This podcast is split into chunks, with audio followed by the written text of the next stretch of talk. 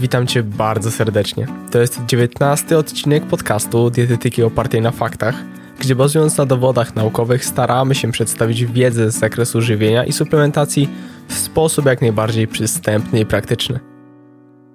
Pojęcie głodu oraz odchudzania bywa niekiedy mocno ze sobą utożsamiane, a warto wiedzieć, że wcale tak nie musi być. O przydatności kontroli łaknienia w trakcie redukcji tłuszczu zapasowego mówić raczej nie trzeba, no bo zwyczajnie jest ono pomocne. Jest to jednak zagadnienie wybitnie szerokie, mm, które omawiać można na płaszczyźnie obejmującej gospodarkę hormonalną, a więc ogólnie mechanizmy i sygnały takie biologiczne, na poziomie konkretnych interwencji żywieniowych, a także zdecydowanie pozażywieniowych. Zapraszam więc do materiału.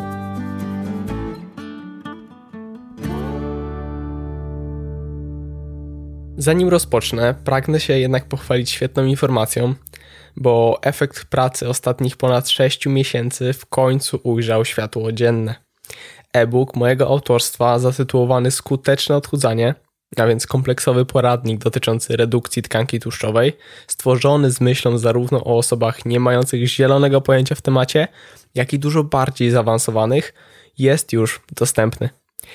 Pozwolę sobie wszystkie jego szczegóły omówić na końcu, na końcu tego podcastu i tam też wspomnę o czasowej promocji oraz kodzie rabatowym. Także zostańcie do końca.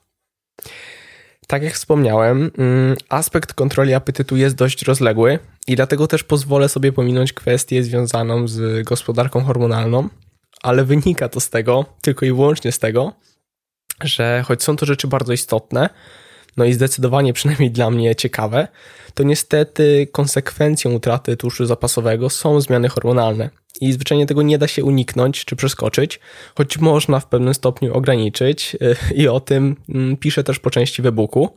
Natomiast tutaj pragnę się skupić na interwencjach żywieniowych i pozażywieniowych, które można uznać za znaczące w odniesieniu do kontroli apetytu. Kolejność będzie jednak przypadkowa, bo ciężko wyznaczyć tu jakikolwiek ranking ważności. Tak więc zacznę od indeksu sytości. Indeks sytości jest to, można powiedzieć, pewien wskaźnik, który informuje o zdolności nasycania konkretnego produktu żywieniowego. Dotychczas opublikowano już kilka badań, które sprawdzały poziom sytości po spożyciu danego pokarmu, i w tego typu zestawieniach e, porównuje się produkty o takiej samej kaloryczności. To jest dość istotne. Mm, najczęściej było to 240 kilokalorii, będąc dokładnym, a gramatura była różna, bo przykładowo 240 kilokalorii to jakieś pół kilogramów pomarańczy, mm, jak i 240 kilokalorii to 40 czy tam do 50 gramów czekolady. Niemniej w jednym z pierwszych badań za wzorzec uznano sytość grupy po spożyciu białego chleba. Stąd po konsumpcji białego chleba wynik wynosił 100, a wyniki innych produktów wyrażano jako wartość większą lub mniejszą, w zależności od tego, jak syciły. I tak, po przebadaniu kilkudziesięciu produktów okazało się, że największym wskaźnikiem sytości charakteryzują się warzywa, owoce, produkty z wysoką zawartością białka, produkty z wysoką zawartością błonnika oraz wody. Pokarmy o niskim indeksie sytości to przeważnie były słodycze, różnego rodzaju wyroby cukiernicze, takie jak pączki i produkty wysokotłuszczowe. Najbardziej sycącym pokarmem okazały się natomiast gotowane ziemniaki. I to istotne, że są gotowane, bo, bo nie pieczone, nie frytki i tym podobne, po prostu gotowane ziemniaki. Mm, warto jednak podkreślić, że parametr, czyli ten wskaźnik indeks sytości, był w tych badaniach oceniany subiektywnie przez osoby badane zwyczajnie. Uczestników nie było mało, ale mm, warto zwyczajnie mieć z tyłu głowy, że to tylko pewien punkt odniesienia. Świetnym pomysłem jest y, rozważenie mm, tego takiego indywidualnego podejścia, notując sobie, co się zjadło, a następnie jak bardzo i na jak długo syciło. No i ponadto poziom sytości w cytowanych badaniach oceniono przez 2 y, do 3 godzin po spożyciu każdego z produktów. Stąd też może się okazać, że niektóre produkty, mimo iż początkowo sycą mniej, to sycą na dłużej i to może mieć mm, znaczącą różnicę. Ok, kolejny parametr, kolejny aspekt, który warto zwrócić uwagę, na który warto zwrócić uwagę w kontroli apetytu, to smakowitość pokarmu. Smakowitość produktów żywieniowych, czyli to, jak dany pokarm nam smakuje, mimo że może się wydawać mało znaczące, to odgrywa w tej materii naprawdę bardzo istotną rolę. Należy pojąć, że jedzenie, ogólnie konsumpcja pokarmu, nie tylko dostarcza nam różnorodnych składników odżywczych, kalorii itd., tak ale również zwyczajnie dostarcza nam przyjemności i satysfakcji. Ciasteczek nie spożywamy dlatego, że brakuje nam tłuszczu i cukru, ale dlatego, że nam po prostu smakują. I tego typu konsumpcji towarzyszy rozkosz i satysfakcja, co skłania do kontynuowania konsumpcji mimo braku uczucia głodu. W ogóle o słodyczach mm, i o tym, jak przestać jeść słodycze, nagrywałem podcast razem z Magdą Hajkiewicz. Właściwie już Magdą Hajkiewicz-Mielniczuk. Pozdrawiam z tego miejsca Magdę i Kubę. I zostawię link w notatkach do tego odcinka. Ale wracając. Kluczowa jest tu również wyrazistość smaku, bo dodatek soli i cukru, a nawet bezkalorycznych słodzików może wydawać się, no tak na pierwszy rzut oka przynajmniej mało znaczący, ale wyraźnie wpływa na smakowitość mm, i tym samym potencjalnie wyższe spożycie kalorii czy pokarmu. Poddanie agresywnej obróbce termicznej podobnie. Zresztą mm, w kontekście soli i cukru tworzy się pewien taki próg, bo można to łatwo zauważyć w przypadku cukru, gdy słodziliśmy kiedyś herbatę lub kawę codziennie mm, i pewnego dnia postanowiliśmy z tego zrezygnować. I można powiedzieć, że się to utrwaliło i gdy następnie, jakiś czas później, ktoś nam przez przypadek posłodzi tą herbatę czy kawę, to uznamy ją zdecydowanie za, za słodką. I w ogóle jak można było pić coś takiego. I z solą jest podobnie, gdy ogólnie mało solimy i wyjedziemy gdzieś na kilka dni czy coś w tym stylu, gdzie ktoś będzie gotować za nas zwyczajnie, mm, no i oczywiście będzie też solić więcej, to choć początkowo będzie to dla nas zasłone, to po kilku dniach się przyzwyczajimy i po powrocie do domu to nasze dania będą dla nas za mało słone. Jest również prawdopodobne, że z bezkalorycznymi, no i ogólnie ze słodzikami jest tak samo. Nadużywanie słodzików nie jest więc rozsądne. Tak samo z solą i cukrem. Ok, więc y, jak to wygląda w praktyce? Warto lekko ograniczyć smakowitość jadłospisu przez właśnie mniejszy dodatek soli, cukru czy słodzików, mm, przez minimalizację pokarmów smażonych, ograniczenie słodyczy i w sumie uważam, że eliminację produktów, które dla nas są najbardziej takie ekstremalnie smakowite, mm, przy których zwyczajnie nam jest się ciężko opanować. Mam tutaj na myśli taki scenariusz, że ciastko X i Y, tak to przedstawię, e, ogólnie lubimy, ale ciastko Z jest tak dobre, że moglibyśmy je jeść normalnie tonami. I wtedy wyeliminowałbym ciastko Z, natomiast X i Y mogłoby się czasami pojawiać. To znaczy, żeby zrezygnować z produktów ekstremalnie smakowitych, ale nie rezygnować z pokarmów po prostu smacznych. Bo nie chodzi również o takie przesadne katowanie się niesmacznymi i monotonnymi potrawami, ponieważ istnieją dowody, że niekiedy spożywanie pokarmów mniej smakowitych może pobudzać apetyt mm, na produkty o wyższej smakowitości, no i zwiększać tym samym ryzyko odstępstw od diety. Dlatego warto mm, wyważyć odpowiednią smakowitość z uwzględnieniem wystarczającej satysfakcji dla danej konkretnej jednostki. Taka satysfakcja subiektywna. Ok, Kolejna kwestia związana z kontrolą apetytu to udział błonnika w diecie. Błonnik ogólnie uznaje się za jeden z najważniejszych komponentów żywności wpływających na sytość. Tak więc zwiększenie jego podaży w diecie może istotnie obniżyć ilość spożywanych kalorii, na co są też dowody w postaci badań naukowych. Warto zatem zwiększyć zwyczajnie podaż e, tego błonnika, spożycie błonnika, bo sugeruje się, że zapewnienie dawki powyżej 10 gramów błonnika na posiłek jest strategią najbardziej, no bo zwyczajnie jest strategią optymalną. Źródeł błonnika ogólnie jest sporo, bardzo dużo, ale mm, podam takie przykłady jak e, zboża pełnoziarniste, warzywa, mm, owoce. Tutaj też warto pamiętać, że całe owoce, nie soki, czy na przykład rośliny strączkowe. Innym aspektem związanym z kontrolą apetytu jest udział białka w diecie, bo białko również uznawane jest za jeden z najważniejszych komponentów żywności wpływających na sytość. Natomiast tutaj wpływ protein na mechanizmy kontroli łaknienia mm, jest trochę bardziej skomplikowany i dość wielopłaszczyznowy, przynajmniej biorąc pod uwagę potencjalne zależności, bo tego nie jesteśmy pewni. No i omówię tutaj. Pierwszy mechanizm dotyczy kwestii hormonalnej, nie będę sypać trudnymi nazwami, ale chodzi zwyczajnie o stymulowanie ośrodków sytości w mózgu. Drugi natomiast dotyczy hipotezy dźwigni białkowej. Ma ona za zadanie hipotetycznie stymulować w pewnym stopniu apetyt mm, tak długo, aż spożyjemy odpowiednią porcję białka po prostu. Organizm ma więc hipotetycznie mm, na swój sposób wyczuwać ewentualne zbyt niskie jego spożycie. Mm, natomiast nie wydaje się, by była to jakaś duża ilość, ta przynajmniej e, optymalna z tego punktu widzenia, bo sugeruje się, że są to wartości od około 1 grama na kilogram masy ciała do 1,5 grama na kilogram masy ciała. Wyższe wartości prawdopodobnie nie będą bardziej sycące, na co wskazują też badania naukowe. Kwestia ta e, dotyczy również innej potencjalnej zależności, a mianowicie pozytywnego wpływu białka na wrażliwość leptynową. Może to być istotne z tego względu, że choć poziom leptyny zdecydowanie ma znaczenie, to kluczowa jest również wrażliwość na nią.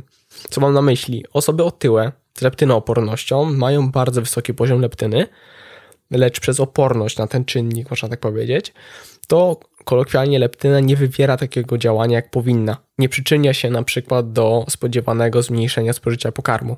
Poprawa wrażliwości leptynowej może być więc pomocna. Okazać się także może, że wszystkie trzy kwestie mają pewne znaczenie, mm, co w praktyce niesie zwyczajnie ze sobą realne korzyści. W jednym z badań, gdzie uczestnicy mogli spożywać pokarm bez ograniczeń, zwiększenie spożycia białka z 15% do 30% wartości energetycznej diety, czyli około z niecałego 1 gramu na kilogram masy ciała do 1,6 no, do 2 maksymalnie gramów na kilogram masy ciała.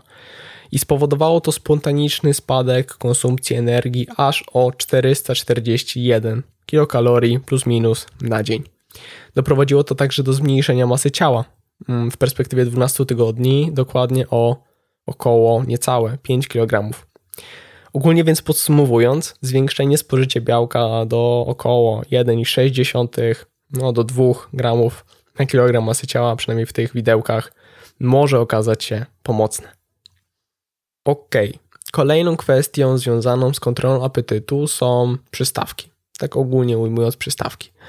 Ukazuje się, że wprowadzenie przystawek może znacząco zmniejszyć liczbę przyjętych kalorii mm, i to zarówno w potrawie głównej, jak i po prostu całościowo. Świetną opcją są na przykład niskokaloryczne zupy. Tak wracając do starych lat, kiedyś zupy były dość popularne, ogólnie rozdzielanie obiadu na dwie części. Dzisiaj wydaje mi się, że jest to mniej popularne. Niemniej, jeżeli przygotujemy sobie taką zupę z dużą ilością warzyw, źródłem jakiegoś białka, na przykład w postaci chudego mięsa i kaszą czy ziemniakami, zaserwujemy sobie danie istotnie sycące, a przy tym dostarczające niewysoką dawkę energii. W jednym z badań uczestnicy zmniejszyli całkowite spożycie kalorii podczas obiadu o około 20%, więc nie są to małe wartości, a przy okazji ta redukcja poboru energii nie wiązała się ze zwiększonym odczuciem głodu, co jest dość istotne. Swego rodzaju przystawką może być także woda. Może to dziwnie brzmi, ale tak, ponieważ prakty- praktyka picia wody na pewien czas przed posiłkiem również może zmniejszyć spożycie energii w kolejnym posiłku e, i można to zwyczajnie zastosować w praktyce. Podobnie może być z kawą, bo także są dowody, e, że kawa może hamować łaknienie, niemniej dowody pozostają trochę niejednoznaczne. Kolejny aspekt związany z kontrolą apetytu to wysoka dostępność jedzenia. Wysoka dostępność jedzenia może być istotna z tego powodu, że zwyczajnie skłania nas do konsumpcji pomimo braku odczucia głodu.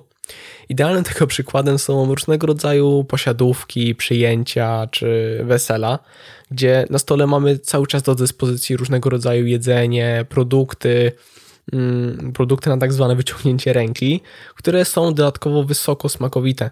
Sięgamy po nie bardzo często odruchowo, czy nawet w sytuacjach, gdy nie odczuwamy głodu. Chodzi tu o różnego rodzaju chipsy, paluszki, ciasta. No wydaje mi się, że każdy wie o co chodzi. Wysoka dostępność jedzenia również może dotyczyć takich e, produktów gotowych, związanych z tym, że łatwo się je przygotowuje. I mam tu na myśli taką hipotetyczną sytuację, gdy na przykład na śniadanie jemy trzy kanapki, Mm, I po spożyciu tych trzech kanapek e, czujemy, że w sumie moglibyśmy zjeść jeszcze, jeszcze jedną. I gdy chleb będzie pokrojony, no to w sumie może się to wydarzyć. Jest to wysoce prawdopodobne, że sięgniemy po jeszcze jedną, ponieważ będzie łatwiej ją przygotować. Natomiast jeżeli chleb nie jest pokrojony, to wymaga to od nas wyciągnięcia deski do krojenia, noża, następnie przygotowania znowu tej kanapki, stąd i poświęcenia większej ilości czasu. Jest więc dużo bardziej prawdopodobne, że zastanowimy się jeszcze raz, czy na pewno chce nam się jeszcze jednej kanapki i czy wykonamy te wszystkie czynności. No przeważnie odpuścimy. Więc przygotowanie posiłków wymagających pewnego zaangażowania i czasu wydaje się w pewnym stopniu ciekawym rozwiązaniem. Natomiast oczywiście e, to zależy od tego, czy jest to możliwe do wprowadzenia w praktyce, bo nie wszyscy mogą poświęcić więcej czasu na przygotowywanie posiłków. Podobna e, sytuacja jest też, mm, gdy mamy dużo wolnego czasu. Idę o zakład, że większość z Was mm, miała kiedyś tak, że gdy mieliście trudniejszy okres i doskwierał Wam no zwyczajnie brak czasu, to praktycznie zapominaliście o jedzeniu. Warto mieć to zwyczajnie na uwadze, że w szczególności w momencie, gdy zostajemy sami w domu, mamy mnóstwo wolnego czasu, nie wiemy co zrobić, czy oglądać telewizję, czy co innego, to bardzo dużo myślimy o jedzeniu. I znając taką zależność, to można na swój sposób to przemyśleć i zaplanować, jeżeli e, nam się coś takiego zdarzy. Ok. Kolejny aspekt to ważne jedzenie. Dla niektórych może to dziwnie brzmieć, ale chodzi tu o zwyczajne skupianie się na tym, co jemy. Bez telewizora, bez komputera, bez telefonu i tym podobne. Może to pozwolić na realnie, i to istotnie, realnie, zmniejszenie konsumpcji energii. Wcześniej stajemy się zwyczajnie syci. Mm, no i dalej, sen to kolejny aspekt związany z kontrolą łaknienia, bo sugeruje się, że optymalna długość snu dla dorosłych wynosi od 7 do 9 godzin na noc. Nie bez znaczenia jest także jego jakość. Niemniej, niedostateczna ilość snu może znacząco negatywnie wpływać na kontrolę łaknienia, a wynika to przede wszystkim ze zmian hormonalnych, Chociaż nie bez znaczenia jest także to, że dłużej nie śpiąc, mamy zwyczajnie więcej czasu na jedzenie i więcej czasu, w którym zmagamy, zmagamy się z potencjalnym apetytem. Ogólnie o śnie i o poprawie jakości snu nagrywałem również podcast z Pawłem mm, i także zostawię link w notatkach do tego odcinka. Oczywiście aspektów związanych z kontrolą apetytu jest dużo więcej, jak aktywność fizyczna, regularność posiłków, alkohol i tak dalej. Ogólnie warto zwyczajnie więcej się ruszać, jeść regularnie i ograniczyć lub wyeliminować alkohol. No i co? To wszystko, co chyba przygotowałem, więc pozwolę sobie yy, przejść do e-booka. A więc 20 września 2019 roku miała miejsce premiera e-booka Skuteczne odchudzanie, którego wydałem razem z Centrum Szkoleń Sportowych. I można powiedzieć, że jest to swego rodzaju kompleksowy poradnik dotyczący redukcji tkanki tłuszczowej. Przy czym pragnę zaznaczyć, że nie daję tam gotowego rozwiązania, tylko skupiam się na tym, by przekazać jak najwięcej wiedzy na temat procesu, jakim jest odchudzanie, czy mechanizmów w ogóle regulacji masy ciała i wszystkich innych rzeczy, jakkolwiek z tym powiązanych. Skomponowany jest on w taki sposób, by w sposób zrozumiały i pragmatyczny. To było dla mnie dość istotne, acz w oparciu o dowody naukowe, tak jak wiecie, również jest ten podcast i wszystko, co tworzę, związane z dietetyką przynajmniej, mówił o rzeczach kluczowych i co najmniej ważnych z punktu widzenia odchudzania. Czyli poruszam tam e, szczegółowo takie rzeczy jak koncepcja bilansu energetycznego, adaptacje metaboliczne, mm, periodyzacja diety redukcyjnej, interwencje związane ze zwiększaniem spożycia, kal spożycia kalorii ogólnie, jakieś konkretne rekomendacje dotyczące jadłospisu, a także szerzej rozwijam mm, kontrolę apetytu, aspekty związane z kontrolą apetytu i wiele, wiele więcej. Cały spis treści można zobaczyć na stronie, którą zaraz podam, bo jeżeli, drogi odbiorco, który jesteś po drugiej stronie, słuchasz tego podcastu w niedzielę, w dniu jego premiery, 22 września 2019 roku, to jeszcze do końca tego dnia masz możliwość zakupić e-booka w bardzo promocyjnej cenie, która już się nigdy nie powtórzy. I uwaga, cytuję link. albo dyktuję link szkolenia css.com ukośnik e-book, myślnik skuteczne, myślnik odchudzanie. Zamieszczę także link w notatkach. Jeżeli jednak się spóźniłeś, to nie martw się, mam dla Ciebie kod rabatowy, który także niemało obniży cenę e-booka. Hasło podcast pisane przez C, powtórzę podcast, będzie dostępne od poniedziałku. Włożyłem w tę książkę naprawdę mnóstwo czasu i pracy i bardzo dziękuję Wam za wszystkie miłe komentarze, które się dotychczas pojawiły. Mm, mam nadzieję, że wyciągniecie z, nie, wyciągniecie z niego, czy wyciągniesz, drogi słuchaczu, bardzo dużo wiedzy. No i co? Do usłyszenia już niebawem. Hej!